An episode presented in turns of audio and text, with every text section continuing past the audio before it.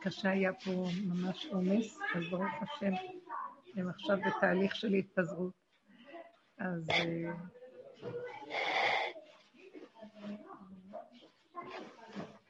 שבת אה, פרשת זכור. אז בבוקר אה, אמרו לי, בוא נלך לשמוע את הפרשה, את הקריאה של זכור. יש הלא מנהג לקרוא מוציאים ספר תורה נוסף וקוראים פרשת כי תצא בסוף הפרשה, זכור את אשר עשה לך עמלק. שככה בדרך, כל הקטע של סוף הפרשה. אז אני אמרתי בליבי, אני כבר לא, לא, לא יכולה ללכת, מחיתי אותו כל כך הרבה פעמים, והוא נראה לי שהוא כבר מת, אני לא רוצה ללכת להקים אותו לתחייה, כי עצם ההתייחסות זה כבר מחיה. בכל אופן הלכתי, כי בתוך עמי אנוכי יושבת, אבל בתוך הנפש התחושה הייתה כל כך חזקה של... אה, אני לא יכולה יותר להמשיך בתוכנית הזאת, זה קשה, קשה לי להסביר את זה, זה כאילו אני צועקת להשם. אה, זו תוכנית של יהדות גלותית, יהדות... אין לי, אין לי עם אחר, אין לי יהדות אחרת, אין לי, אין לי משהו אחר. אבל את מה שיש פה כבר אני לא יכולה, כאילו הצעקה יצאה בתוך הנפש חזק, ממש שמה שהלכתי לשמוע, אמרתי, ריבונו של עולם, תכניס אותנו ל... יש לך תוכנית אחרת. זו תוכנית של גלות, היא תוכנית שאנחנו רק על הדבר, חיים כל הזמן, מדברים על הדבר, אומרים פסוקים, אומרים דברים, אבל אנחנו לא חיים את הדבר. שאני ממש התחננתי, אני לא יכולה יותר לחיות את הכאילו, כאילו, כאילו במקום אחד בנפש, בתוכי, זה כאילו עולם אחר. אני יודעת שאתם מרגישות דברים דומים, ולכן אני מרשה לעצמי לדבר. טוב, בתוך הנפש שלי זה מקום של... אה, שאין לו, לו את הכוח. אני, אנחנו... תכף, אני אתרכז. משהו, הדרך, ה, הדרך מביאה אותי לתחתית שלה, שהיא בעצם... היא מרוקנת, מרוקנת את המוח, היא מרוקנת את החשיבה. היא מרוקנת את החשיבה של התודעה שאנחנו חיים, פירושו של דבר, אה, את אחד ועוד אחד שווה, את הסיפור של כל דבר. היא מרוקנת, היא כאילו באיזשהו מקום מתרוקן לי, הכל מתרוקן לי הסיפור של החיים, אין, אין סיפור, יש רגע, והרגע הוא פשוט, והכל פשוט, ואני רוצה להיות יהודייה ברגע. עכשיו, אני לא, זה לא סותר שום דבר, כל רגע בא, וההלכה שלו איתו, אם צריך אותה, כל רגע בא, והמצווה שלה איתה, אם צריך אותה, בלי לחשוב הלכה, מצווה, בלי לחשוב על הדבר, בלי לקרוא לדבר כזה שם או משהו אחר. אצל רב אושר היו תלמידי חכמים שהיו באים, חלק מהחבורה שלו, ו... והם נכנסו איתו בדרך. באופן טבעי, גם אלה שנכנסים בדרך, שטבעם הוא להיות תלמיד חכם, כל מה ש... אצל רב אושר, כל מי שנכנס בדרך, אה, הוא התנקה והוא הגיע לתכלית, מה שהוא בטבעו באמת. אז היו, יש אנשים שבטבעם באמת, הם לומדים, הם אוהבים ללמוד, והם שייכים לעניין של הלימוד. אבל התלמידי חכמים שהיו אצל רבו אושר, הם היו תלמידי חכמים מסוג אחר. כשהם למדו, הם למדו. כשהם קמו מהלימוד, הם היו, הם כאילו לא ידעו כלום. ענווה מאוד גדולה ופשטות, בהמות הייתי עמך. ערומים בדעת ומסמים עצמם כבהמה. אז היו אצלו כמה תלמידי חכמים, שאחרי הרבה עבודה של שנים, אנשים מבוגרים, הם נשארו תלמידי חכמים, כי זה חלק ממהותם. שהם לומדים, לומדים. כמו שאחד יש לו מקצוע אמן, נגר, אז הם למדו תורה. אבל הם חיו את האמת בפנים. אותו תלמיד חכם, פעם רב אושר אמר משהו, והתלמיד הזה, זה קראו לו הרב גדליה סגל, יש לו גם איזו חוברת שהוא הוציא, כתבים כאלה שהוא היה במחיצתו של רב אושר, איך הוא הגיב בענייני תורה. ואז רב אושר דיבר. הוא דיבר ואמר איזה דבר מופלא. ואז רב גדליה קפץ ואמר, רב אושר, התורה, אתה כיוונת למה שכתוב בתורה, כתוב בתורה זה וזה וזה, בפסוק זה וזה, במקום זה וזה, וזה העניין שהתורה מדברת, אתה עכשיו אמרת אותו. וכשרבו שר דיבר, הוא אמר אותו לא כמו שמישהו משנן את מה שכתוב, הוא אמר אותו מתוך הבשר ודם שלו, מתוך ההתנסות שלו, מתוך האמת הפשוטה שהיא לא נראית פסוק, או... אבל הוא ידע לחבר, הוא היה בעבודה וגם היה לו את המקום הזה, אז הוא אמר, אה, זה בדיוק מה שהתורה כותבת, פסוק זה וזה. אז רבו שר אמר לו, נכון, אבל התורה לקחה ממני. מה הוא רצה לומר? זאת אומרת, אה, התורה של עץ... רב אושר היה בחינת התורה של הלוחות הראשונים, ורב גדליה סגה למד את התורה של הלוחות השניים, שזו אותה תורה כמובן, אבל רב אושר חפר לעומק של הבשר ודם וגילה את היסוד הפנימי של הלימוד, של מה שכתוב שם, של על בשרו חי את זה. זאת אומרת, הוא חזר לתורה שבעל פה שכתובה בתוך בשרו של האדם שחרותה.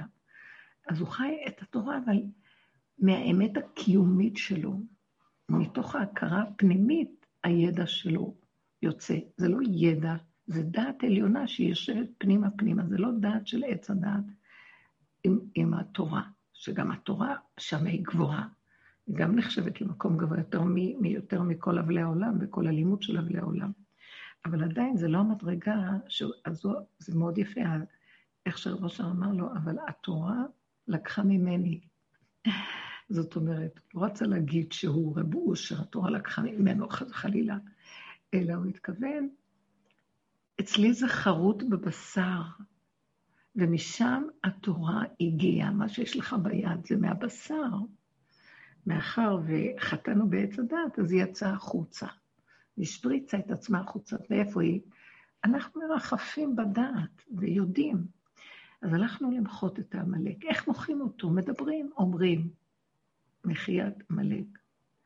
הדרך הזאת הכניסה אותי למקום של החשיכה הכי גדולה, כולנו.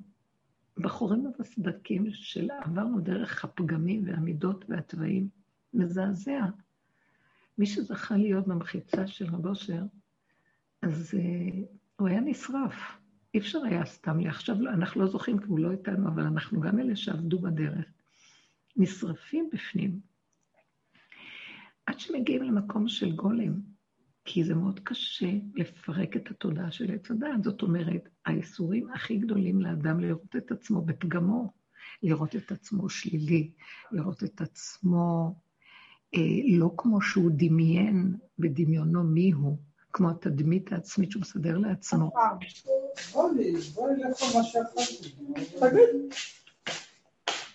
עכשיו אפשר את הפינה שלי? פינת הקודש שלי? ואני צריכה שמן זית, יכולה? תביא לי? כן, אני מבחכת. מישהו פתוח עם המיקרופון שם. אסנת?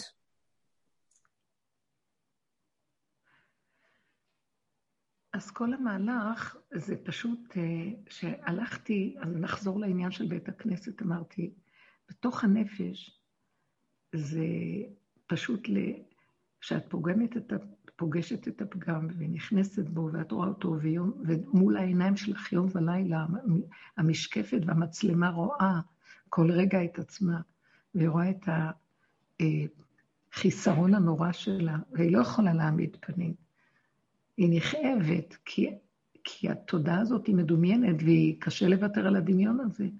מפעם לפעם לפעם לפעם, עד שמגיעים לכזה שכבר אי אפשר יותר, כי זה כמו, זה מבול, סערה רגשית נוראית, צער נורא. והם עוברים את המקום הזה, זה הגדר של מחיית העמלק. זה צעד אחר צעד אחר צעד אחורה, למחות את הדמיון, עד שאדם צוחק הגענו למקום שהתחלנו, שאנחנו צוחקים על הפגמים, רואים אותם, אבל הם כבר דועכים, אין להם כוח לנהום כבר, הם אריות מתים. זה המחיה. עכשיו, שאומרים לי, לכי תגידי את זה בבית הכנסת, וכל השנים זה היה תמיד התחושה, זה טוב, נלך ונגיד. כאילו, היהדות בגלות, אנחנו נמצאים במצב של אה, שינה, בחינה של אני ישנה וליפייר. אני, התודעה שלי בדעת ערה, אבל היא ישנה, הלב ישן. בדיוק הפוך, ליבי, אני ישנה וליבי ער, בדיוק בלשון הפוכה. אני ערה בדעת, אבל ליבי ישן.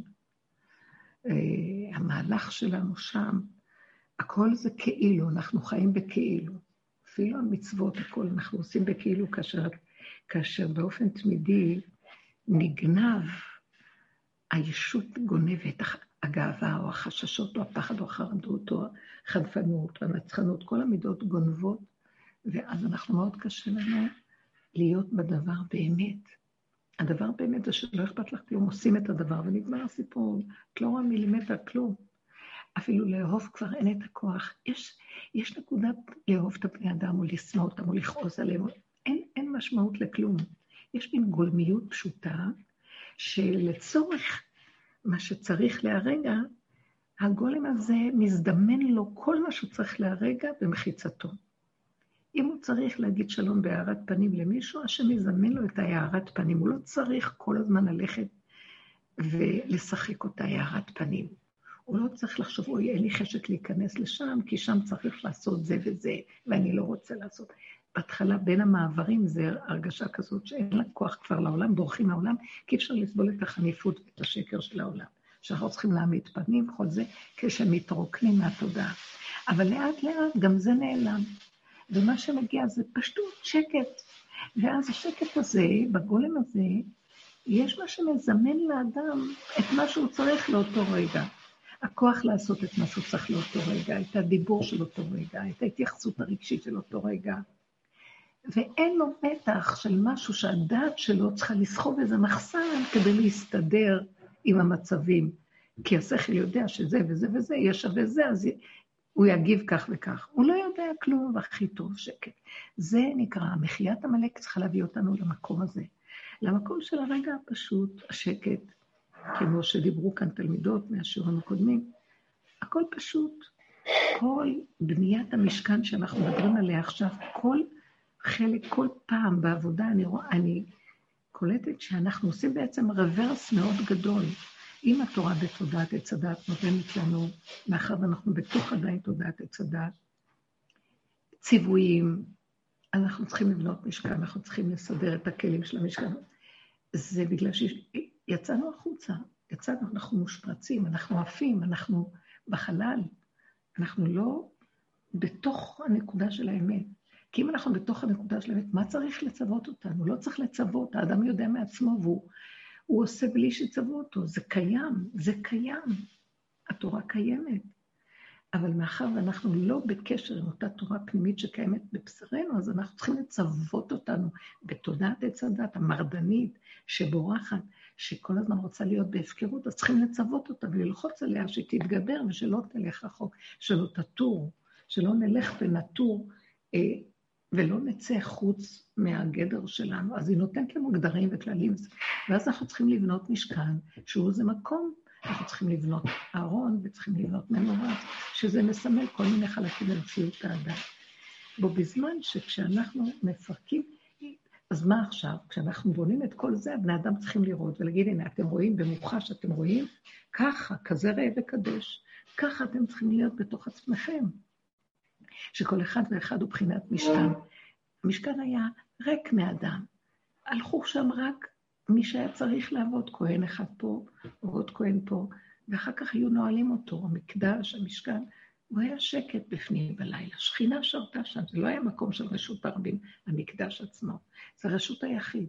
אז כל הצורה שלו וכל הכלים ששם והכל, זה היה לצורך לשרת את נקודת היחידה, וכשיש נקודת היחידה לא צריך שום דבר. והשפע יורד אל העולם בזכות מקום היחידה הזאת. אותו דבר גם פה, אנחנו צריכים להבין שכל מה שאנחנו מצווים בתודעת עץ הדת, וכל מה שאנחנו אומרים, לך עכשיו, אה, מה שחז"ל אה, מדרבנן, ללכת לשמוע אה, מחיית עמלק. יש לזה הלכות, לא יודעת אם נשים מצוות בזה גם, לא חשוב, שהיו באותו הנס, אז הן גם מצוות וכן הלאה. אבל כל מקרה, אנחנו עכשיו צריכים ללכת לשמוע אותו קורא את המחייה. אז יודעים על המחייה, שומעים ואומרים אותה, ובזאת אנחנו משתתפים במחייה. לא עשינו שום דבר שנגע במחייה עצמה, זה שאנחנו לשמוע. אז זה וירטואלי, הכל וירטואלי פה.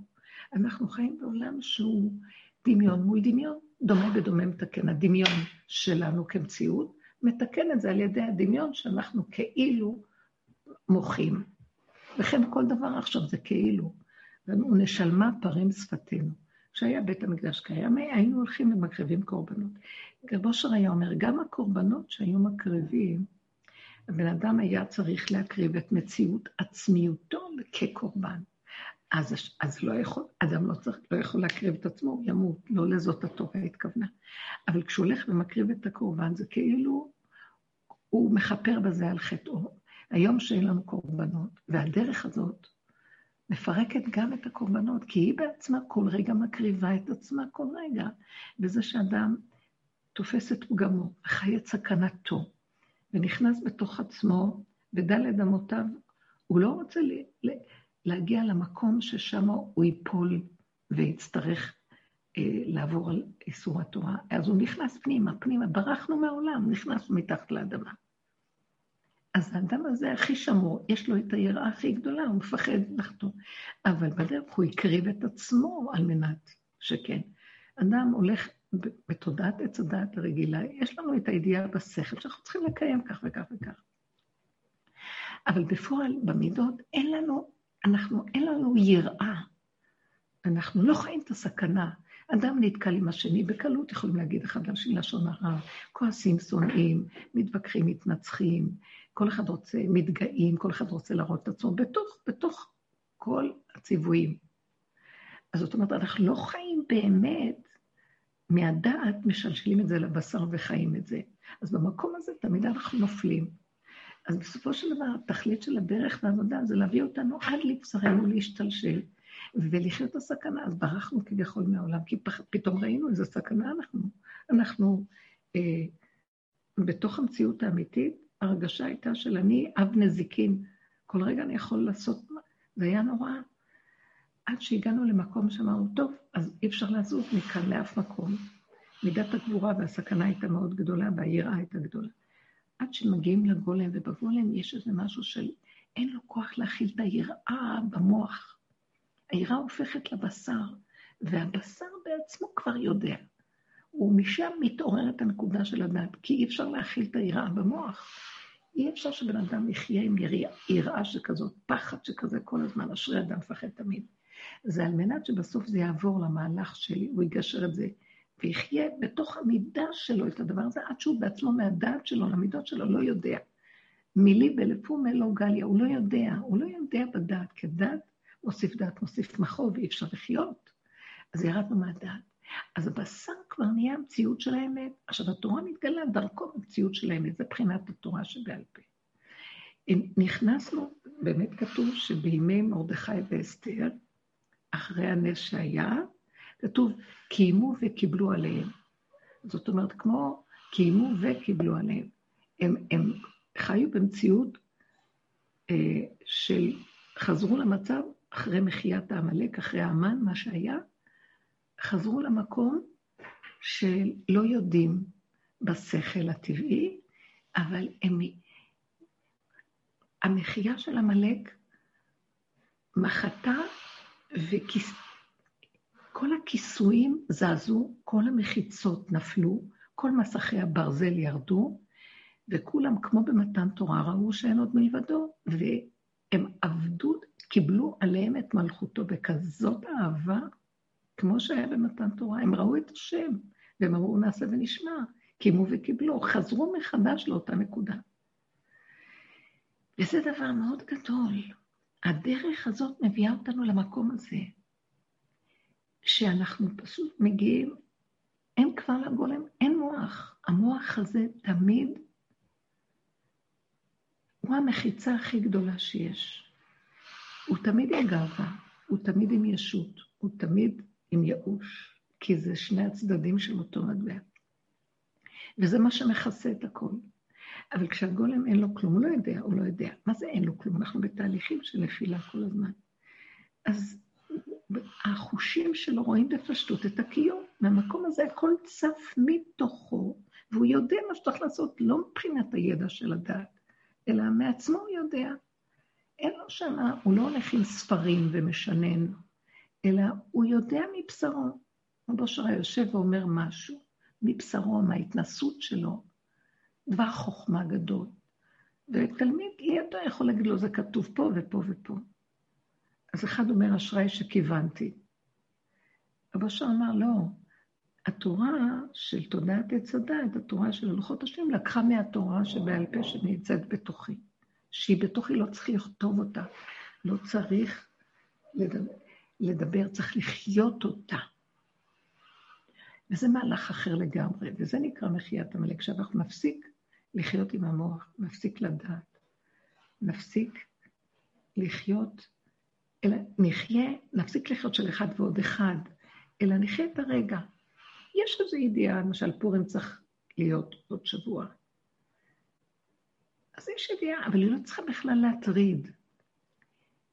היינו צריכים לחשוב, בדרך רגילה, פסח מתקרב, אנשים בפסח, בט"ו בשבט כבר רועדים מפסח. אה, פורים, וואו, מה נעשה עכשיו בסוג העניינים? לא יודעת, לא רוצה לדעת, לא מבינה. אני יודעת מתי שזה צריך להיות, השם ייתן לי באיזשהו זמן, שיש קצת זמן, אלך לקנות מה שצריך. שזמן צריך, ובאים לכאן המון, ואני לא, אני לא חושבת אפילו, מי יכול להכיל את זה בכלל? מי יכול להכיל? לא יכולה להכיל, לא יודעת איך יהיה, ואני יודעת שתמיד יש.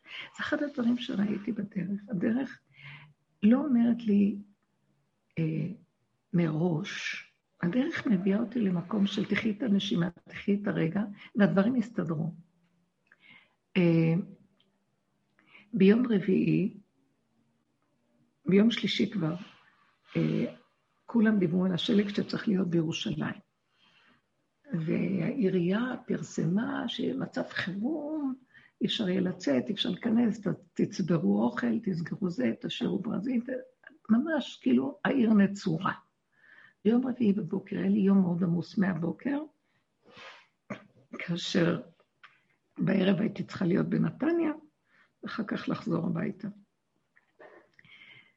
אז מתקשרים אליי אה, ואומרים לי בבוקר, אולי אולי נבטל את הכל, או, את, או בלילה, אני לא יודעת מתי זה, לא זוכרת. אולי נבטל את הכל, כי תראי, הולך להיות שלג בירושלים, אז יהיה לך קשה לחזור, או להתנהל, או לצאת. או... ואז אולי נבטל, כי היה לי המון דברים לעשות באותו יום, עד שעה שתיים כזה. ואחר כך ממודיעין הייתי צריכה לנסוע למקום אחר, אז אין לי מה לעשות. אז אמרתי לה, תקשיבי, עכשיו אני לא רואה שום שלג בבוקר, עכשיו אני לא רואה שום שלג, ואין שום סיבה שנבטל שום דבר. הכל צריך להתנהל כרגיל. היו לי הרבה דברים באותו יום, בוקר. ושוב, נסעתי. באמת, היה קצת קר, בחוץ ורוח, אני רגילה לזה? וככה, עד שעה שלוש התנהלתי והכל הסתדר כרגיל. בשלוש, מי שהיה צריך לקחת אותי, הם מתקשרים ואומרים לנתניה, אה, תדעי לך שיהיה אולי קשה מאוד לחזור, בגלל שלג. אז מה את אומרת? יכול להיות שיסגרו, ואז לא נוכל לחזור. ואז אני אומרת, רגע, עכשיו יש שלג? פה יש שלג במודיעין? לא. אז למה עכשיו לחשוב על כלום? אין, אנחנו, אני, יש לי ניסיון מהדברים האלה, לא רק ניסיון. אני רואה שהסערה שהמוח עושה מדבר היא הרבה יותר גדולה מאשר הדבר עצמו. הוא מבוהל, הוא מדוין, הוא חושב, הוא לוקח בחשבון יותר מדי דברים. זה כמו מה שעושים עם הקורונה בערך. אז בלאגן, בלאגן. אמרתי, עכשיו אנחנו לא רואים כלום, בואו נצא, נצא, ובנתניה אין שלג, במודיעין אין כרגע שלג, אולי יש גשם, אני רגילה, זה לא, הכל רגיל. נסענו, כשהגעתי לשם היה באמת סערה כזאת של גשם רוח, ואז אה, מישהי אומרת לי, אולי כדאי לך לחזור מוקדם, כי יכול להיות שלא תוכלי לחזור. אומרים שיש שלג ויש בלאגן. ואז אני אומרת לה, הגעתי כבר לפה, פה אין שלג, בואו נעשה את מה שאני צריכה לעשות. כשגמרנו את השיעור, קצת אה, גמרנו מוקדם, אמרתי, בואו נתקשר, נראה מה... הבן שלי מתקשר, הוא אומר לי, אמא, אה, איפה את נמצאת? אמרתי לו, אני בנתניה, איך תחזרי? אה, שלג בירושלים. אז אמרתי לו, אני יודעת, בדרך אנחנו ניסע, ועד איפה שלא נוכל לנסוע, נראה מה נעשה שם. ביררנו שכביש אחד פתוח, כביש אחד סגור, כביש השני פתוח. אז הוא אומר לי, ואם תתקעו, איפה תשני? אמרתי לו, מדן ועד באר שבע, יש לי איפה לישון בכל מקום. אפילו יש לי איזה כפר, איזה כפר ערבי, גם יש שם מקום שאני יכולה לישון. מכירה מישהו שגר, מיש, משפחה יהודית שגרה שם, אז בסדר, אל תדאג.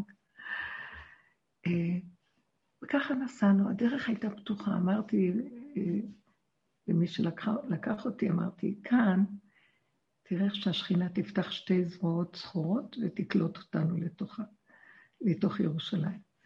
נסענו, אמרתי לעצמי, אל תחשבי, אל תתבלבלי, אל תתני למוח שום מקום. אבל כן אמרתי ככה, ריבונו שלום, אני לא יכולה להתפלל שמה, להגיד לך מה לעשות, שלא יהיה שלג, אני לא אגיד, אנשים מחכים לשלג, זה יפה. אבל אני יכולה להגיד לך, תכניס אותי לשלום לתוך העיר. תכניס אותנו ברחמים, בקלות, לתוך העיר, תעזור לי. זהו, אני צריכה להיות בירושלים, ובבוקר יש לי המון דברים לעשות, אז אני צריכה להיות בירושלים. וככה נסענו, הדרך הייתה פתוחה, היה אמנם שלג קצת בכניסה, בכביש החילופי שהיה פתוח, ונכנסנו לעיר, והיה פשוט, עד, ממש עד הבית, וגם זה שלקח, חזר לביתו, גם כן, הכל פשוט היה פשוט. אמרתי לעצמי, הכל כל כך פשוט, למה המוח צריך לסגור אותנו?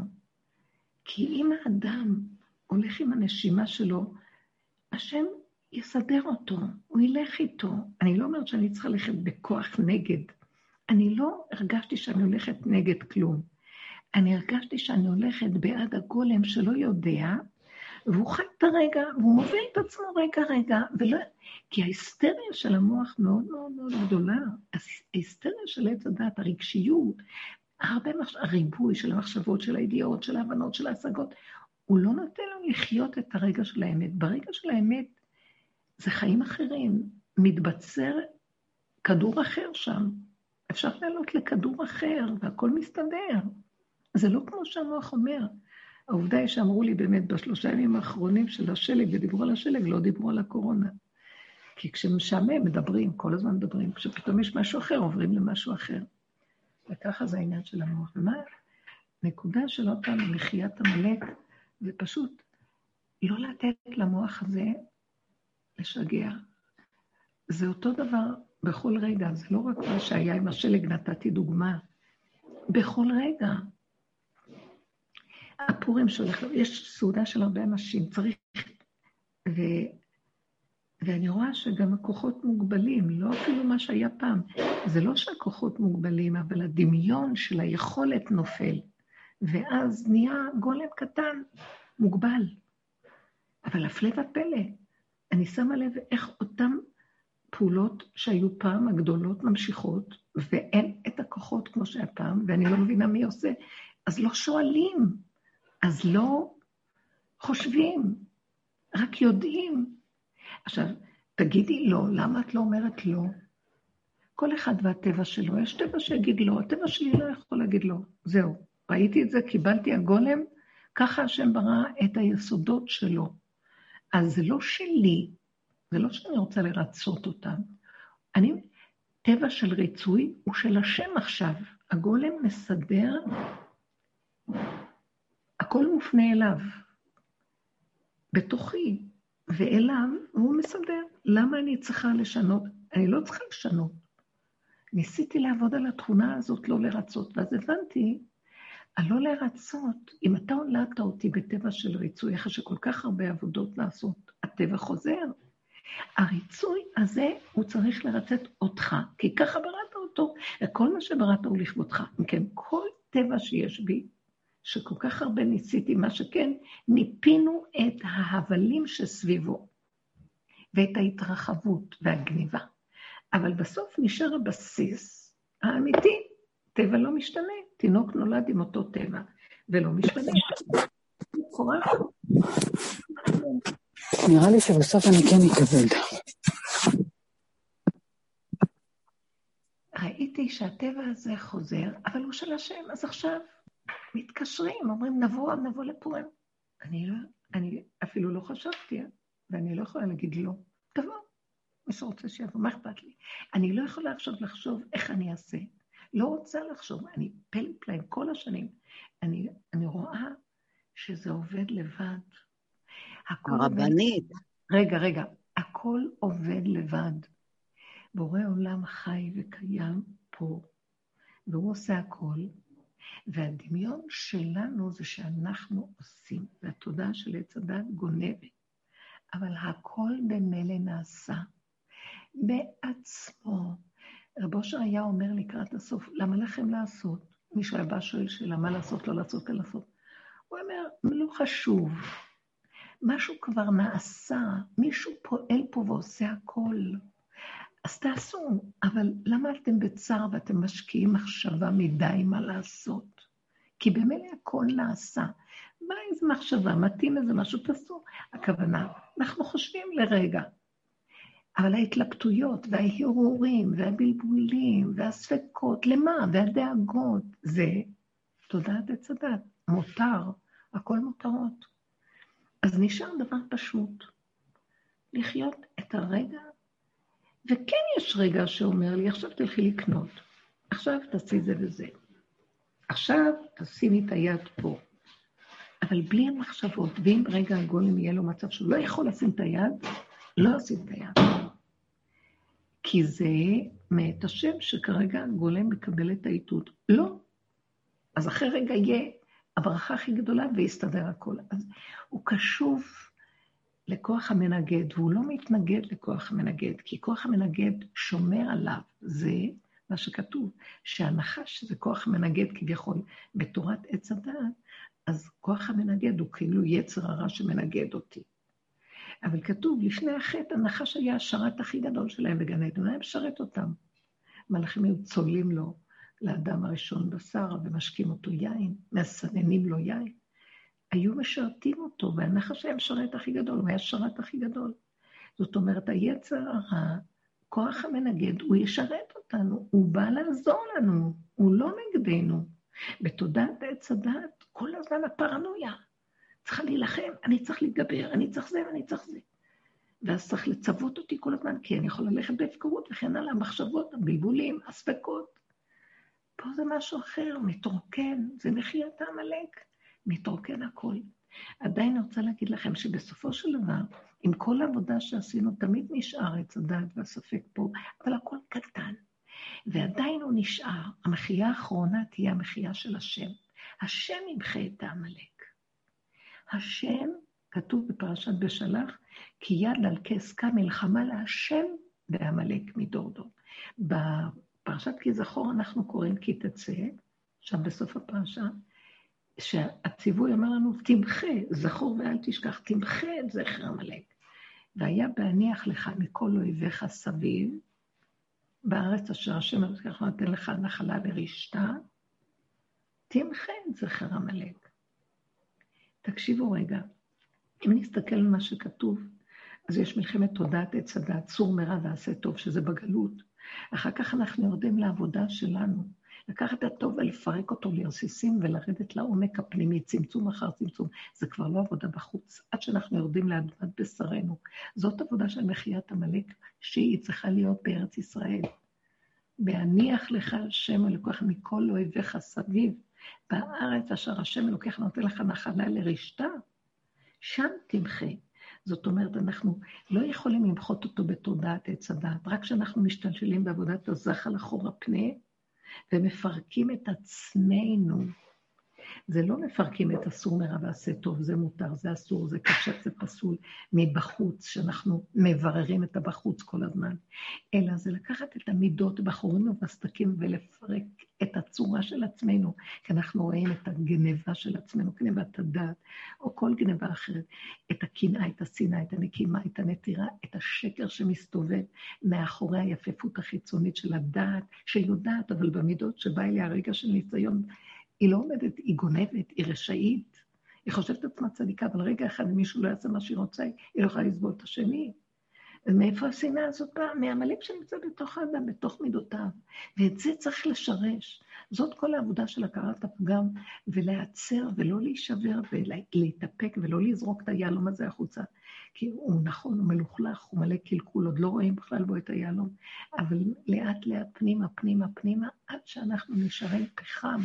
בפחם יש את, המלא, את היהלום. העמלק מתכלה, נעלם. זה מה שנשאר הפחם, זה רק הפה נשאר חם. מדבר להשם כל הזמן, כי אין משהו אחר. אז אפילו הפה החיצוני נשרף, וכבר נשאר רק הפה הפנימי לך דומיית תהילה. המקום הזה מוחה את השקר הזה, והאדם נשאר פשוט. כל החיצוניות של עץ הדת והציוויים וכל התורה הגדולה של הדת מתחיל ליפול, ונשאר דבר קטן. כאן ועכשיו הרגע, כאן ועכשיו הרגע. אה, וזה כל כך מדהים, המקום הזה, שההלכה שאת צריכה, ואין... היה לי גם איזה סיפור עם אחת החברות שהיא הביאה לי איזה אבוקדו, שהיא אמרה לי שיש, אני, כשהיא נתנה לי אותו, אז uh, היא לא אמרה לי מאיפה היא הביאה אותו, גם לא שאלתי. כשלקחתי אותו והגעתי הביתה, נזכרתי שהיא אומרת, היא אמרה לי שיש להם איזה פרדס לידם, פרדס הוא של עצי אה, אבוקדו, ושהיא מביאה ממה שנושר, והיא לקחה משם. אז לרגע אמרתי, היא בטח לקחה משם. לא ידעתי אם אסור לזה תרומות ומה אסור. ואז לרגע שהתבוננתי, הייתי כל כך רעבה, והמוקד היה כל כך מושך. ואז לא ידעתי, ופתאום נזכרתי שהיא מביאה את זה מה... אז אמרתי, טוב, רציתי ברגע הראשון לשים את זה בצד, כי היא לא קנתה את זה בסופר, מקום שמפרישים, אלא הביאה את זה, ואז, ואז נזכרתי שמאליו צצה לי הידיעה שכשמלקטים מפרדס שנופל, ומביאים, אוכלים את זה כביכול על המקום, זה הפקר, בחינת הפקר, אין צורך בתרומות ומעשרות. לא צריכה לזרום. איך? מישהי כאן אמרה. לרגע היה לי כזה מתיקות, שרגע אחד לא, לא חשבתי אפילו. לא הייתי צריכה להיכנס, משהו בתוכי ידע בפשטות את ההלכה, בכזאת, אני לא זכרתי כלום, המוח שלי היה סגור. מי העיר אותי רגע לחשוב? מי הגיע? יכולתי גם לחתוך ולאכול. עצרו אותי לרגע, הסתכלתי, התבוננתי, בשנייה, והכל נגמר, ונהניתי ממנו. המקום היה כל כך פשוט. ראיתי שכל רגע, זה קורה לי הרבה פעמים, כל רגע שאני צריכה איזה משהו, צץ לי הידיעה מאיפה. יכול להיות שאני יודעת עוד מעבר, אבל כל יהודי יודע. אבל המוח ריק, הוא לא, הוא לא זוכר כלום. יש מי ששומר עליו, יש מי שמציף לו איזה דבר שהוא צריך, יש מי שמנחה אותו בדרך עולם. אז למה לא לסחוב את כל השק של הערימות על הגב שלו ולהיות במתח, במוח שלו עשו כל הזמן? בגלות זאת הייתה עיקר העבודה, זה עיקר העול, עול תורה ומצוות, עול במוח. למה עול מלשון על, על. כל הזמן אנחנו חושבים על הדבר, לומדים על הדבר, מדברים על הדבר. אנחנו לא חיים את הדבר. אז זה עול כי זה סוחבים כל הזמן, כי צריך לזכור כל הזמן ולדעת כל הזמן ולברר כל הזמן ולשנן כל הזמן. זה עול.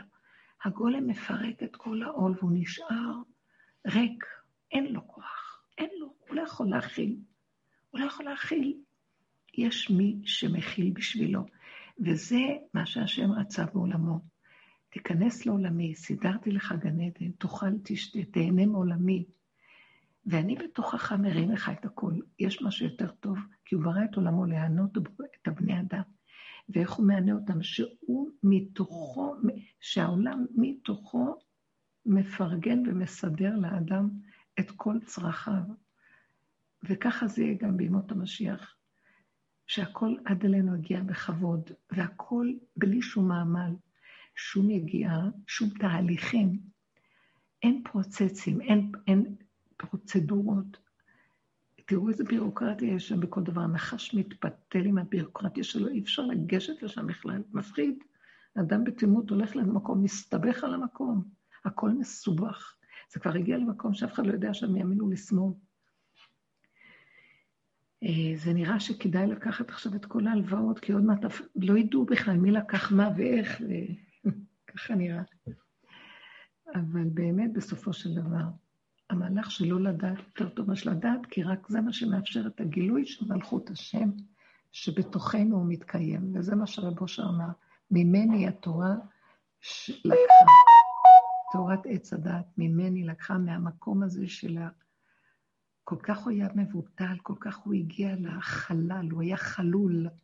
החלל הזה הכניס, הקים מתוכו, מתוכו נבע המעיין, הנחל נובע.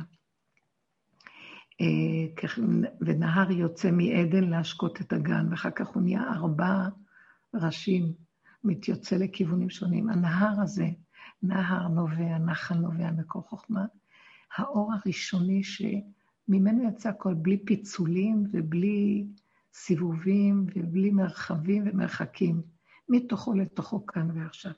אם יש לכם משהו להגיד, כי התרחבתי אולי, ובעזרת השם. כן. שבוע טוב. אה, אה, רק על הקטע הזה של החגים וכל זה, זה, ראיתי שיש אה, חי שנושא את עצמו בקטע הזה. כאילו, אנחנו כל הזמן מפחדים וזה, אבל ראיתי שכאילו כאילו הוא גם מפרגן, הוא מפנק בכל מיני דברים, הוא, הוא, אני קולטת שאני הולכת ומספיקה דברים, ועוד הוא מפנק אותי בעוד תוספות, כאילו, מאבזר לי את הבית, עושה כל מיני דברים ככה מסביב, להראות לי, אל תדאגי, אני פה. אני, אפילו בדברים הכי קטנים, פשוטים וטיפשיים, אני פה, אני דואג לך, הוא כאילו...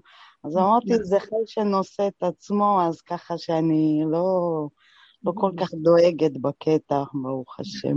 איזה יפה. את רואה, מה שמיכל אומרת כאן זה שהכל נעשה מאליו.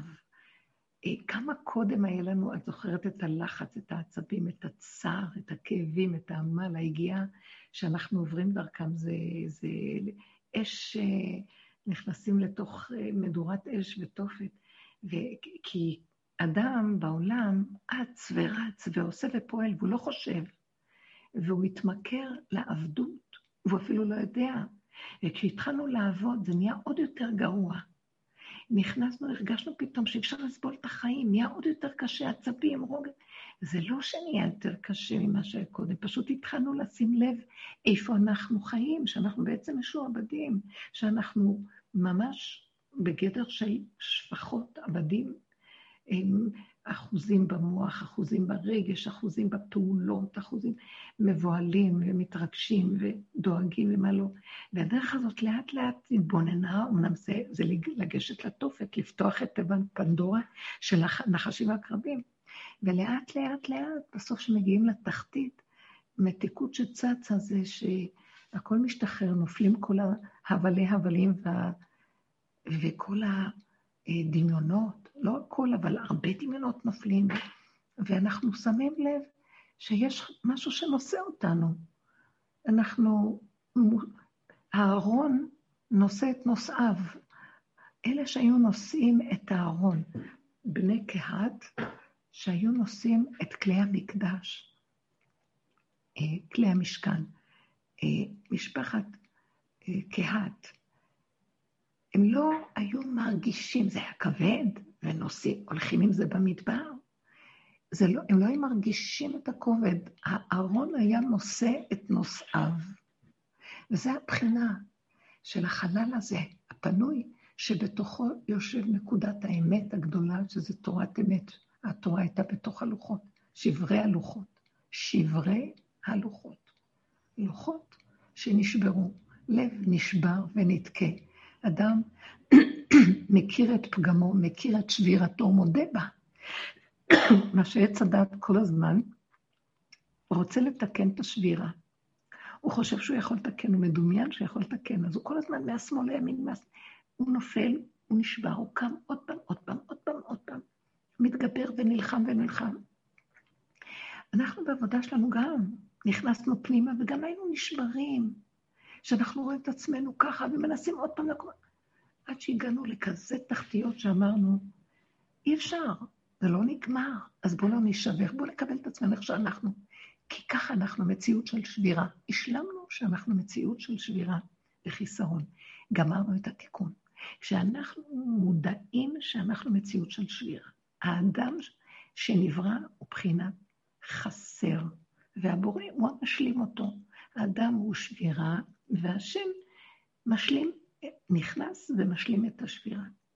אז כשעץ הדת לא נותן לראות את זה, אדם הראשון גם היה בחינה כזאת, הוא ירד לעולם והשם נכנס בו. כלומר, פרעו אותו, יצרו אותו ועשו אותו, עפר מן האדמה. אז בתור עפר מן האדמה, יש לו משהו? אין לו. שמו בו נשמת השם, נשמת חיים. נשמת כל חי בתוכו. חלק אלוקא ממעלה. החלק הזה מחיה אותו. לו יצויר שיקחו לו את זה, החלק הקדוש הזה של האור הגנוז ששמו בו, הוא כולו מציאות של שברון.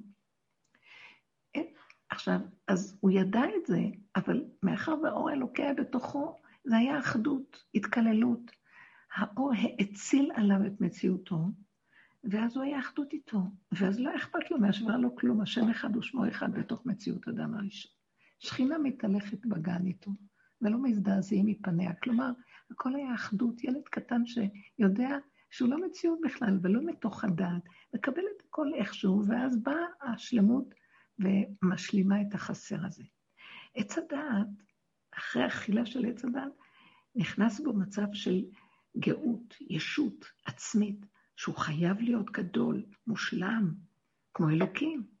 אז עכשיו כל דבר של חיסרון מאיים, שובר אותו, מבלבל אותו, מסעיר אותו, והוא כל הזמן במאבק תמידי אה, לטפס לשלמות שלא קיימת. אנשים כובשים את האברסט, מגיעים עד הגובה של ההר הכי גבוה בעולם.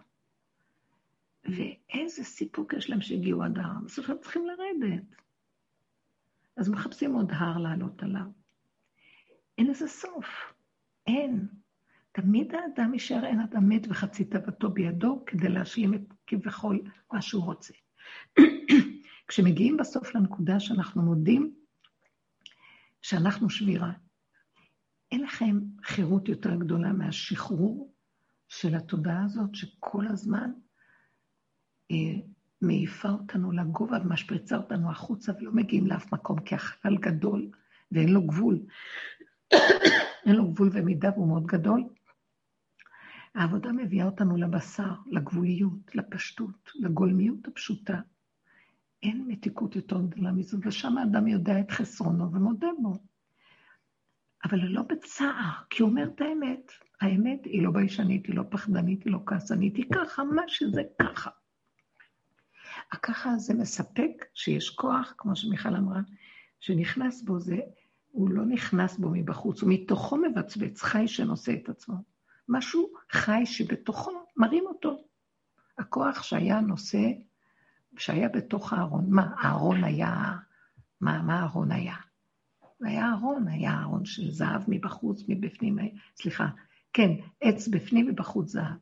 היה ארון, אבל היה בתוכו הלוחות. היה בתוכו הקדושה, ולוחות שבורים. הקדושה ש, שבתוך מציאות של שבירה, שהיא יודעת שהיא לא, היא חסרה, זה לב, כמו לב, לב נשבר ונתקה, אלוקים לא תבזה. אין דבר יותר שלם מלב נשבר. אבל לא שבירה של ייאוש, זה שבירה של הסכמה של מציאות האמת. ככה אני וזהו זה. כי ככה זה האדם, כי זה כל האדם. ירדנו מהריחוף הנורא, התפרקנו לתוך מציאות הגולם. הזחל נגמר. הוא, נכ... הוא עוד לא נגמר ממש, אבל בתחתיתו מתחיל לבצבץ העניין של הגולם, כמו חומה כזאת, כאשר אחר כך בסופו, סופו, סופו מתהפך גם מתגלה הפרפר. אז המקום הזה של הריקנות הזאת, הריק שבתוכה יש פעימה של חיות גדולה מאוד, היא מרימה את הכל ונושאת את הכל ומריצה את הכל. ויהי בנשוא אהרון. אהרון נוסע, מה שבתוכו, האלוקות שבתוכו מקיימת אותו, וככה אדם צריך להיות, כמו אהרון. הארון היה אחד מארבעת הכלים של המשכן שהיו במקדש. אה, השולחן, המנורה, מזבח הזהב והארון. השולחן והמנורה היו בהיכל, שולחן בצפון והמנורה בדרום. שמים לחוכמה ולעשירות.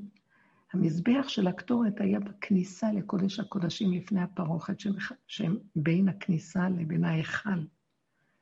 וזה היה הקטורת מלשון התקשרות. אני, מתוך כל מה שאני רואה, העבודות הקודמות מביאות אותנו עבודת פירוק הדעת, עד שמגיעים למנורה הטהורה, הדעת העליונה, הפשוטה, מבצבצת באדם.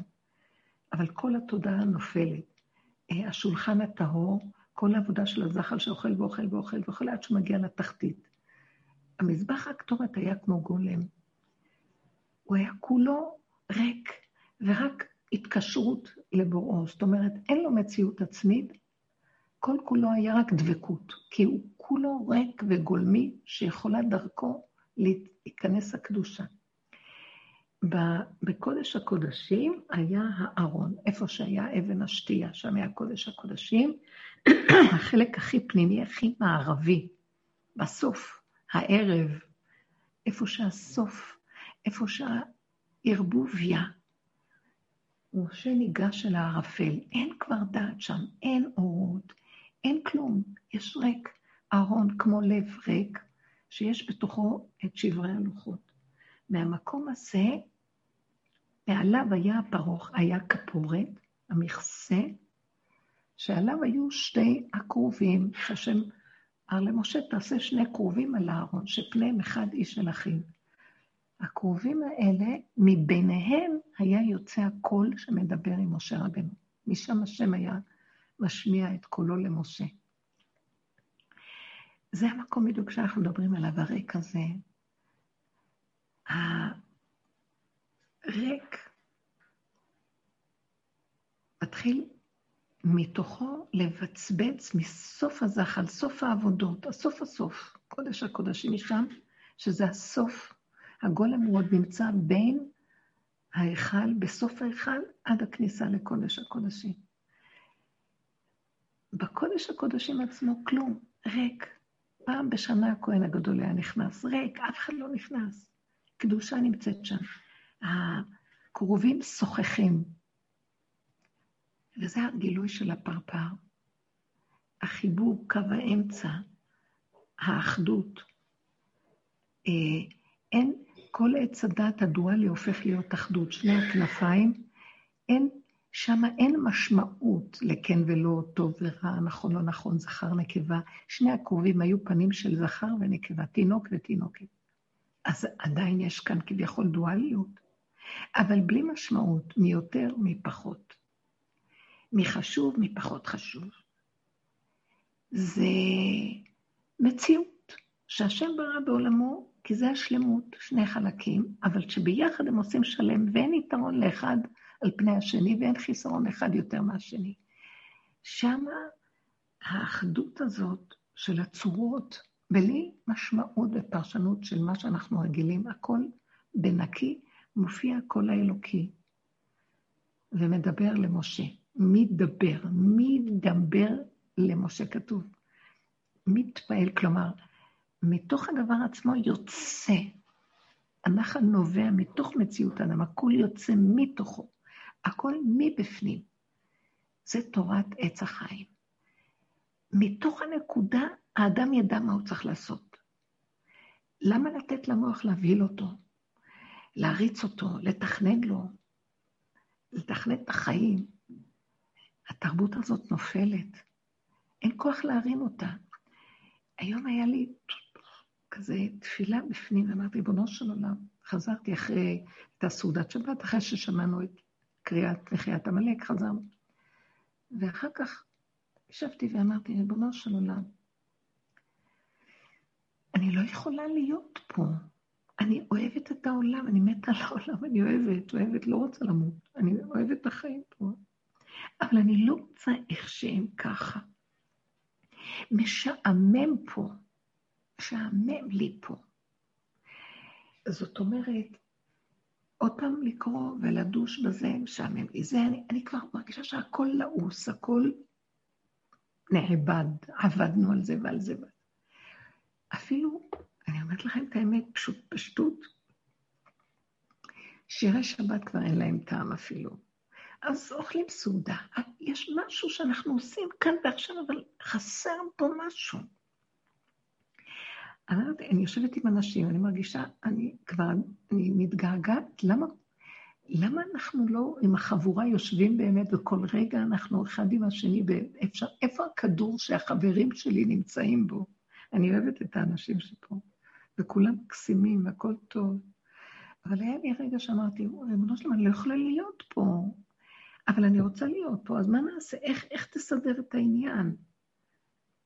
האם אתה יכול להביא לכאן איזו תודעה חדשה שתפתח את החושים, ואת אותו דבר נראה משהו נוסף? אנחנו לא יכולים, אני אמרתי לו, כבר זה לא יפה מצידך, כמה אפשר לבקר? אני לא, אני נהנית, הכל טוב, אבל כאילו, העמלק מסתיר. היה לי הרגשה חזקה שההסתרה, חבל על העולם, הוא כל כך יפה, הכל כל כך טוב, אבל, אבל יש כאן מסכים נוראים. ראיתי את האנשים סביבי, מדהימים מותק של אנשים, הכל טוב, אבל ראיתי את ה...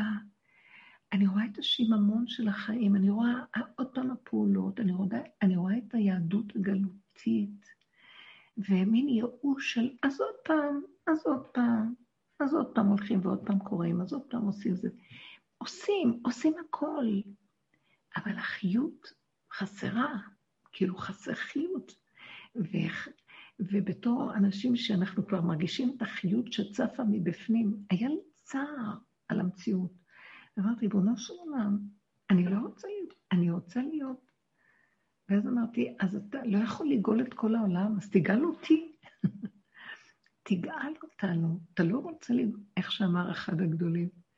נדמה לי שזה היה רבי בונה מפשיסחה, שהוא פעם צעק, ריבונו של עולם, או לא זוכרת, אולי אני לא מדייקת בשם. ריבונו של עולם, כמה אפשר להתפלל שתגאל אותנו? אז אם אתה לא רוצה לגאול את היהודים, אז תגאל את הגויים, העיקר שתגאל כבר מישהו. אז היה לי מין תחושה כזאת, קשה לי לראות שכל כך הרבה... אנחנו צריכים כבר שהמסך הזה ייפול. ככה הייתה תחושה חזקה, שהמסך ייפול. אז עכשיו, החיים יפים, העולם פה מקסים, אבל יש מסך מבדיל, ואנשים בשממה, כמה אפשר עוד פעם לרוץ לחנויות, כמה עוד פעם אפשר לעשות זה, גם אפילו החגים. צריך שיתגלה בתוך העולם משהו שהוא לא דבר חיצוני, מתוכו של האדם מתגלה איזה משהו שיעיר לו. אז צריך ליפול למסך שמפריע. אוקיי, דיברתי יותר מדי. ביקשתי... רבנית, אני יכולה לשאול? כן. שבוע טוב, קודם כל המון המון תודה. שבוע טוב. אני לא יודעת, אני בימים האחרונים מרגישה מצוקה גדולה מכל מיני כיוונים. כבר היה לי שקט בכל מיני דברים של להסכים להניח, להסיר. אמ, כי בסופו של דבר יוצא שאני חיה בתוך העולם הזה שהוא לפי חוקי עץ, לפי חוקי עץ הדעת. אז במקצוע שלי אני עובדת סוציאלית. ואני משתדלת ללכת כמה שיותר לפי הדרך, גם במקצוע שלי. ואז אני מוצאת שאני נתקלת בחוקי עץ הדעת, ופתאום אני נבהלת, כי עברתי עליהם. אז אני אתן שתי דוגמאות. כן, זה מאוד דוגמה חשוב. אחת, כן. זה שבזמן הקורונה הפסקתי לטפל בקליניקה שלי, כי אני מטפלת באימא שעוד לא הייתה מחוסנת ועם כל מחלות הרקע ומאושפזת, ואני זאת שמטפלת בה.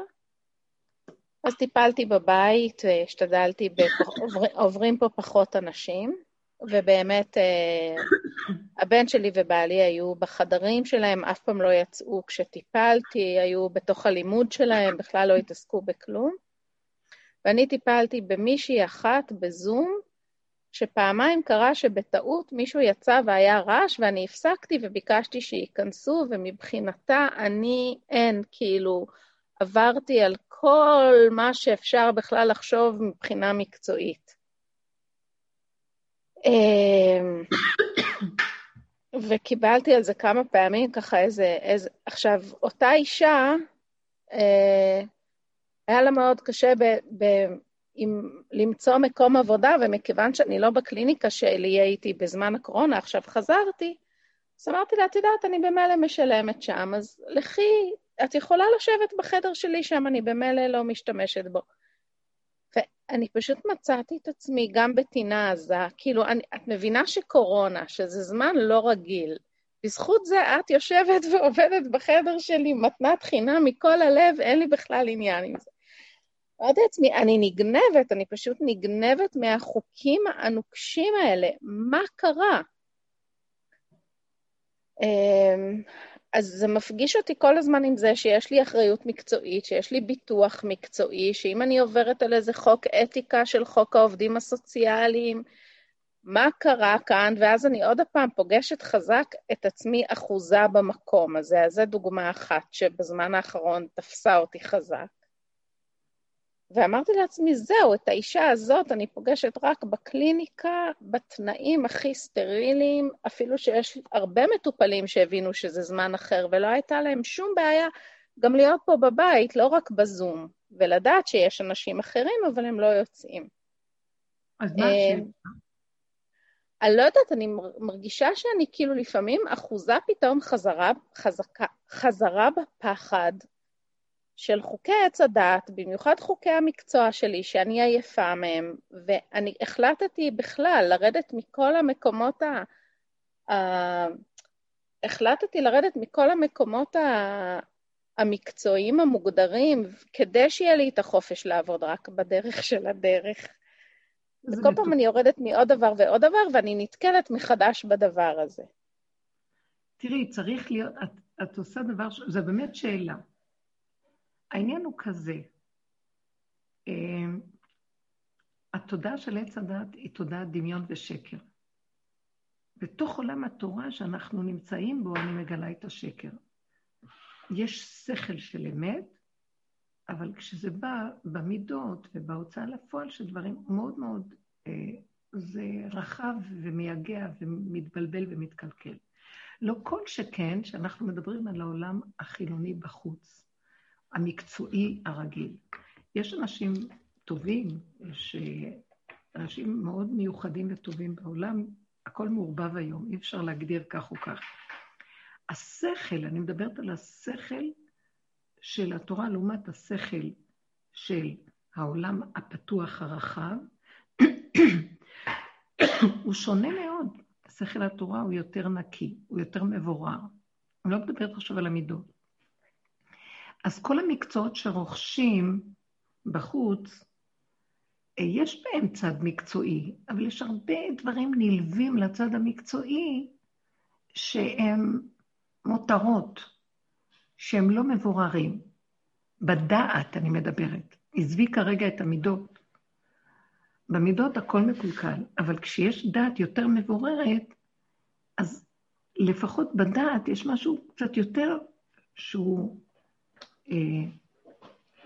הוא בא משורש נקי, אז באיזשהו מקום הוא מכוון אותנו קצת יותר טוב, יותר מרוכז, פחות אה, מתבלבלים, פחות, יש ידיעה ברורה נקייה. האופן שאנחנו מוציאים אותו לפועל זה כבר דבר אחר. כאן הידיעה עצמה, יש המון פרטים, יש המון ספקולציות, מחשבות, המקצועות שנעשים, בני אדם, בני אדם קובעים אותם, ועל הבסיס שיש רעיונות, יש ניסיון מסוים, אבל מתווספים אליו הרבה רעיונות והרבה כל מיני דברים. לבד מהמצב של המידות עצמם של הבני אדם. עכשיו, כשמתחבר כל הבלבול הזה שם, ואדם נמצא בתוך עולם החוץ, והעולם בחוץ עם מקצועות חיצוניים, זה מאוד מאוד קשה לעבוד עם העבודה הזאת. על כן, אבל מצד שני, לא בשמיים היא. ולא מעבר לים ולא בארץ רחוקה. כלומר, אנחנו, העבודה שלנו, הכלים של העבודה הם כלים מאוד מאוד טובים לנפות, למיין, לא לברוח. אבל באיזשהו מקום יש גבול, כשאנחנו ממיינים, אנחנו רואים, וואו, זה צריך אם לא 13 נפות שהיו ממיינים, זה צריך 50 נפות כדי למיין. ועם כל זה, כי את באה במגע עם כל מיני אנשים שהם נמצאים בתוך הדמיון בעצמו, בלי כלים של כלום. אז מאוד מאוד מקשה. על כן, מה שאני ראיתי גם, שרב אושר עשה עם האנשים שלו, הוא דלה אותם מהבחוץ, כאילו, כמו שלוט, כמו שהמלאכים הכניסו את לוט עם ידם ומשכו אותו פנימה לתוך הבית, כי הוא היה עסוק עם הבחוץ, שאנשים באו, אם אתם קוראות את הסיפור, רצו לה, להזיק לאנש, לאורחים של לוט, המלאכים, ואז הוא יצא לקראתם ודיבר איתם, אז הם היו אנשים מזיקים וקשים ומבולבלים ורעים. ואז הוא דיבר איתם, ניסה לשכנע אותם, לרצות אותם, להסביר להם, להיות איתם, להתווכח איתם, ולא יכל להם. והיה איזה שלב שהמלאכים תפסו לו את הידיים ומשכו אותו פנימה לתוך בית וסגרו את הבית עליהם. והם היכו את האנשים בסנוורים.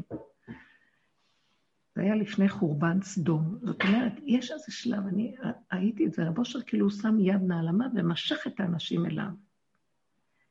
אני יכולה להגיד כאדם שעל עצמי עברתי דברים שקשורים אליו. אני הייתי קשורה בעמותת חינוך, שעשיתי דברים שקשורים בעולם התורה, והמצווה, והחסד, ואספנו נערות שהיו ממש נפולות, או כל מיני שצריכות התחזקות, מבתים לא פשוטים וכל... ועבדנו איתם, והייתה שמה, היה שם, ייסדנו מדרשייה ובית ספר, תיכון, ופנימייה, ועשינו דברים בקודש. וכשהייתי באה לרב אושר, זה היה הרבה הרבה, הרבה שנים, וכשהגעתי אליו, ראיתי שהוא מתחיל כאילו לצמצם אותי פנימה, והדברים בחוץ כבר לא התנהלו כמו שצריך.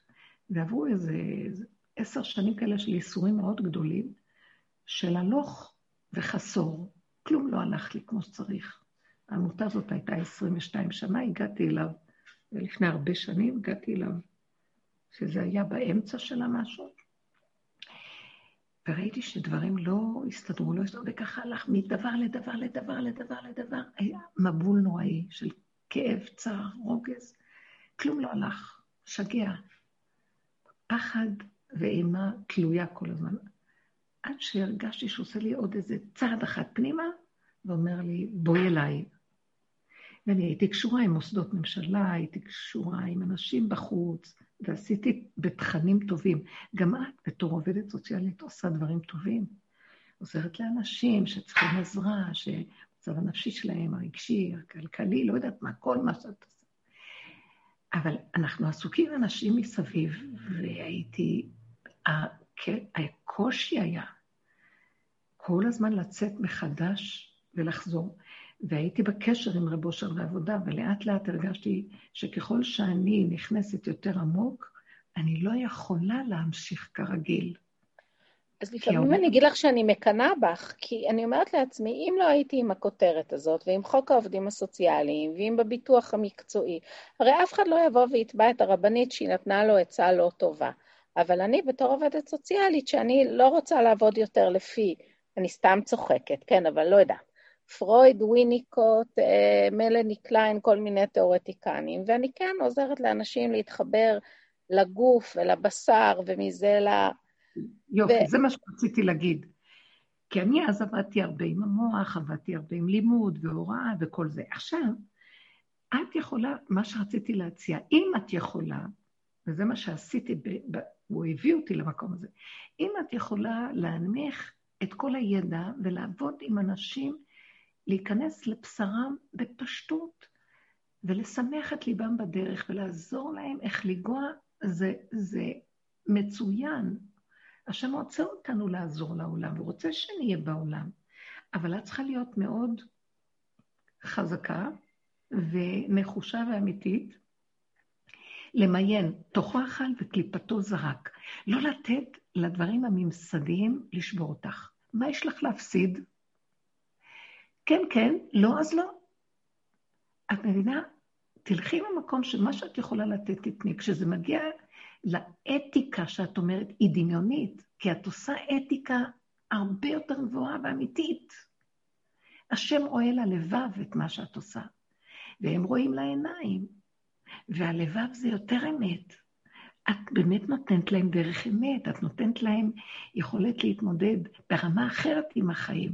את פותחת להם קרן אור ואת פותחת דלתות, שאין לי שום ייאוש כלל, והכל זה דמיון, ושיצחקו וייהנו.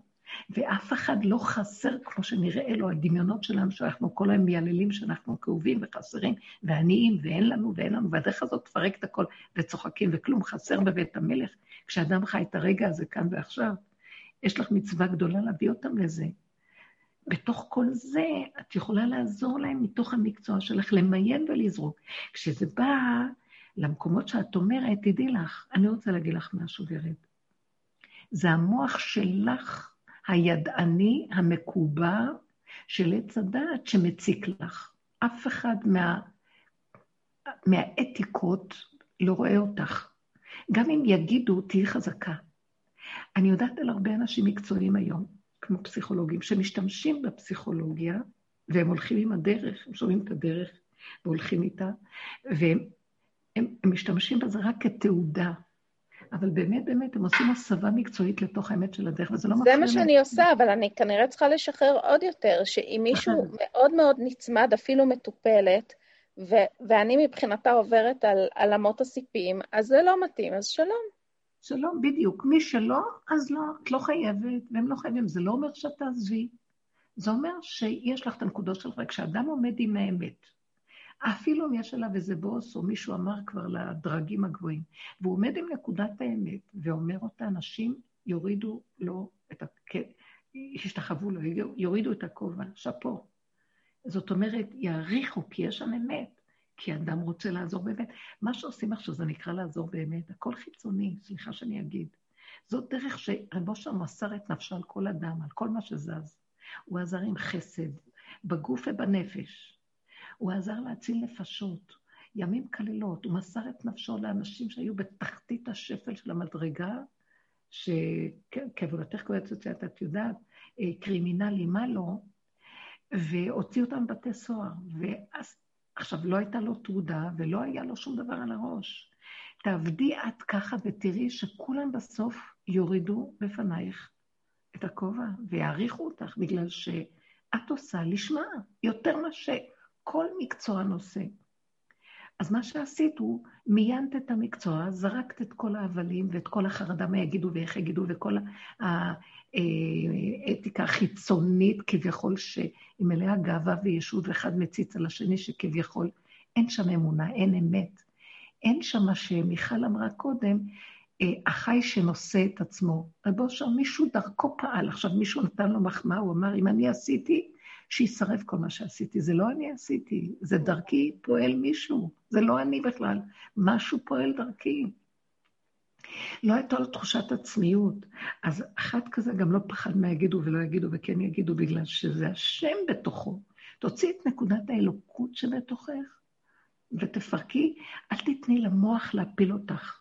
המוח מצער, מוח מייאש, המוח מבקר, המוח דן, המוח שופט, מוח מפחיד, והוא שקרן ברמאי. מה את מפסידה? וכי את מרמה מישהו? מי שלא רוצה את נקודת האמת, שילך. אנשים יגיעו על ארבע. אני זוכרת שהיו בנות שלי באות לשמוע שיעורים לפני הרבה שנים. ואחר כך אמרו לי, לא, זה לא, זה נראה לי דיכאוני מה שאת מדברת עליו, גם דיברנו הרבה זמן. ולא, לא, זה לא ככה. איפה הנקודה הטובה, איפה זה, כל מיני דברים. ואחרי הלכו אחרי חמש, שבע, שמונה, עשר שנים, חזרו על הארבע, ואמרו, זאת הדרך האמת. אנשים יחזרו, הם יחזרו. אז הם צריכים עוד להתנסות. אז שיגידו מה שיגידו, אל תזוזי ממקומך. תשתמשי במקצוע שלך, אל תברכי עדיין מהחיים. עד שלא מיגרת, ולא בשביל האנשים ולעזור להם, קודם כל תעזרי לעצמך. עד שלא מיגרת את המוח הזה, שהוא זה שמייאש אותך, הוא מפיל אותך, הוא מפחיד אותך, הוא מבהיל אותך, הוא דן אותך שאת לא בקולגה, את לא ממש באתיקה.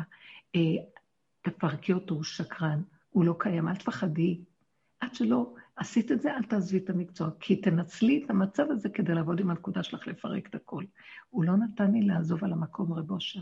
עד שלא פירקתי דרך כל האיסורים שעברתי, כמה פחדים, כמה היו באים ביקורות, היו מהאוצר, כל מיני דברים שעברתי.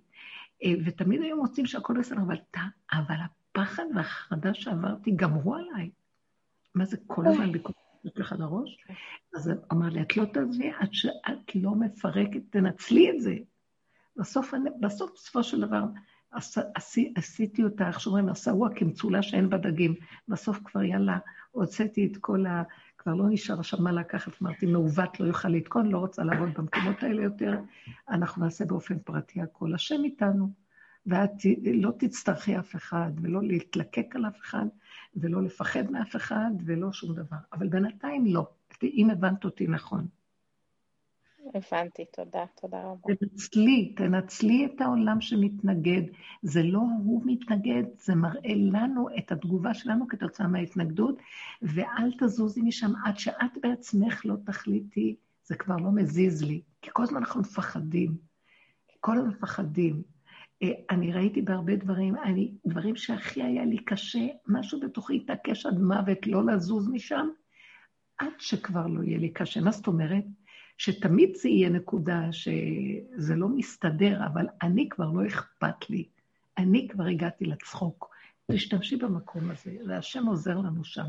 כי זה מסכים של עצמך, של העמלק של עצמנו, שאנחנו מפרקים דרך ההתנסות הזאת.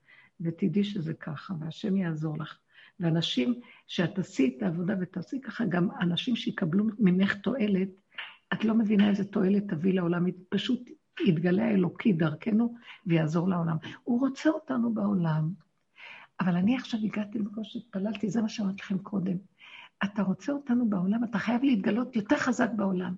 ושלנו יהיה יותר חוזק פנימי לראות אותך בתוך זה, כי אחרת הקליפה של העולם גומרת פה, והיא סתם קליפה. תמחה את העמלק הזה. הוא הביא לי בכוונה את, ה, את המקום הזה כדי לצעוק, תמחה אותו, כי זה היה שבת של מחייה, ובאמת הדרך הזאת כולה היא בחינה של מחיית עמלק. היא דרך של משיח. משיח עושה שלושה דברים. אלה, זה הרמב"ם אומר, משיח עושה מלחמות השם, מלחמת עמלק הוא עושה. הוא מקבץ את הגלויות ובונה את בית המקדש. בואו ניקח אותם בעבודה שלנו, זו עבודה של משיח. הוא עושה מלחמת עמלק, זו העבודה הזאת, לרדת אחורה עם הזחל ולפרק את העץ הפנימי של הדמיון שלנו צעד אחר צעד, עד נקודת הבשר שכבר אין לנו כוח ואנחנו מותשים, ואין אין, אין כלום. לא יכול אפילו לתת נקודת עבודה אחת יותר. לא אכפת לי נשימה, וסיבה. נשימה וסיבה, נשימה וסיבה, זה הגולם. ויש רגעים מדהימים שאתה רואה, כמו שמיכל אמרה, מישהו נושא אותך, הארון שנושאים אותו מתוכו. על זה מתחיל להתהוות הפרפר, כמו שהיו הקרובים על הכפורת.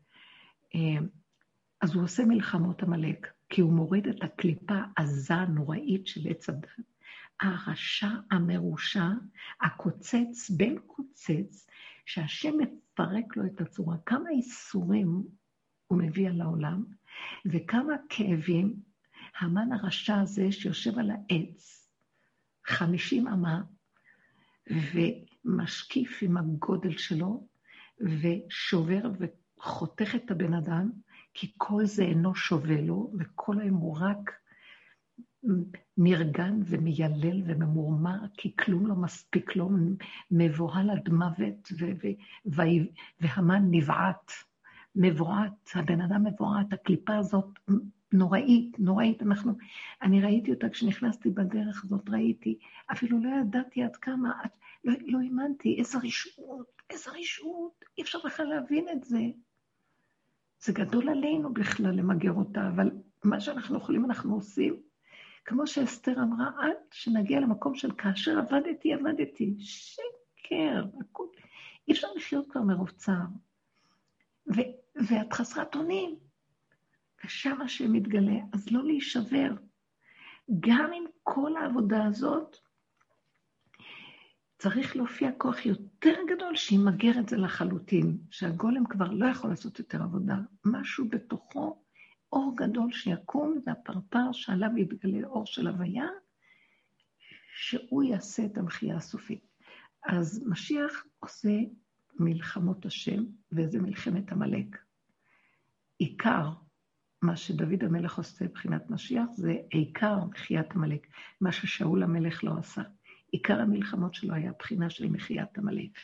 זה היה עבודה, והרחבת הגבולות, הוא הרחיב את הגבולות. זאת אומרת שכבר כשהמוח הזה, השקר נופל, אין בעיות, אין כלום, הדמיון נופל, בוא, אתה, אין כלום, מה, מה, אין צער, אין רוגז, הכל נהיה אחרת. יש רק רגע נשימה, והעולם לא שלך, והכל מתיקות דבש, תינוק, שיונק משדי אמו ומתוק לו ומוגן כגמול עלי אמו, כגמול עלי נפשי.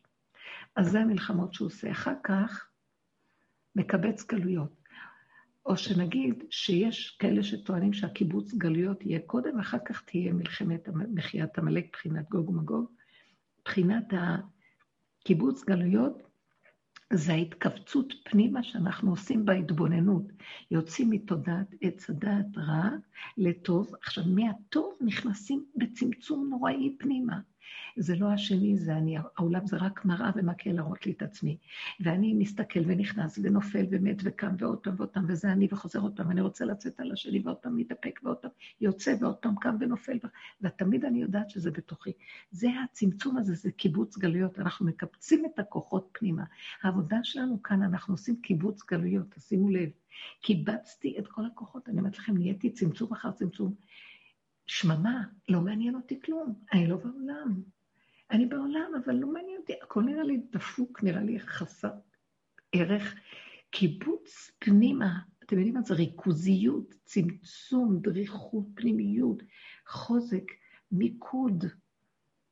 זה קיבוץ הגלויות הפרטי של האדם פנימה, לתוך האדמה, אדמת ארץ ישראל, אדמת הקודש, שיבת ציון האמיתית. בנפש, בדרגת היחידה. אז בואו נגיד שזה היה ההתחלה, אחר כך מחיית העמלק זה המחיות, גם זה מחייה, המלחמות שאנחנו עושים בתהליך של הצמצום היא גם מלחמה, אבל יש את הסוף של המחייה הסופית הזאת שלה, לא לתת למוח לחשוב, לא להרגיש, לא להבין, לא לדעת, לא כלום.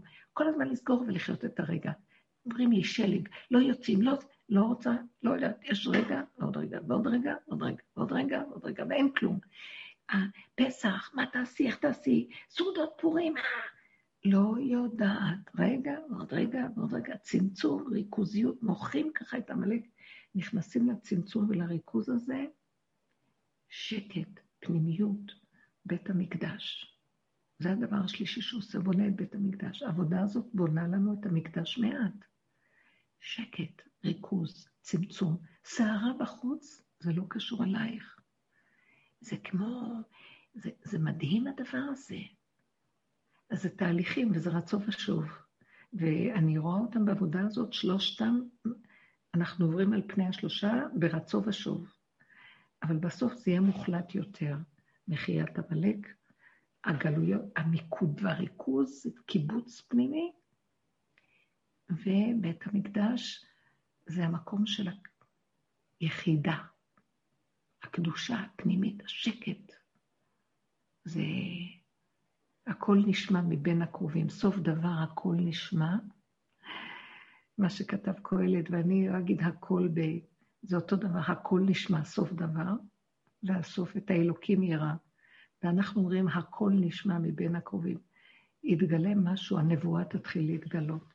השם יזכה לנו להיות חזקות, חזקים כולנו, זה כולם. אנחנו משפיעים כאן עבודה גדולה, אני יודעת, כולנו, כל הבנות כאחד, כל הבנים, כל מי ששומע. אין כאן, בדרך הזאת, זה מצוות האמונה. היא שייכת לאמונה הדרך. אין במצוות האמונה. כך כתוב בהקדמה בספר החינוך. בין אם זה איש, בין אם זה אישה. בכל מקום, בכל זמן. הן קיימות המצוות האלה. זאת אומרת, כאן לא מבחינים בין זכר לנקבה. זו דרך של, של הגאולה, שהיא הדרך של דוד המלך, והכל מתקלל בה. שני הקרובים, זכר ונקבה, הכל, זה לא משנה. זו הדרך שעכשיו יורדת לעולם, מתגלה שם התודעה. הדרך שאנחנו עובדים היא כדי לגלות אה, את הפרפר ואת התודעה החדשה. דור חדש על ציון תאיר, במהרה בימינו יפול עמלק. בעזרת השם, השבוע, השם יזמן, נדבר על מגילת אסתר. תודה רבה לכם, שבוע טוב, אהבה רבה. תודה לך, תודה, תודה, שבוע טוב. תודה רבה רבה. תודה, שבוע טוב. שבוע טוב, חן וחסד ורחמים על כולנו, אמן כן רצון. ותשמחו. אמן, אמן, תודה.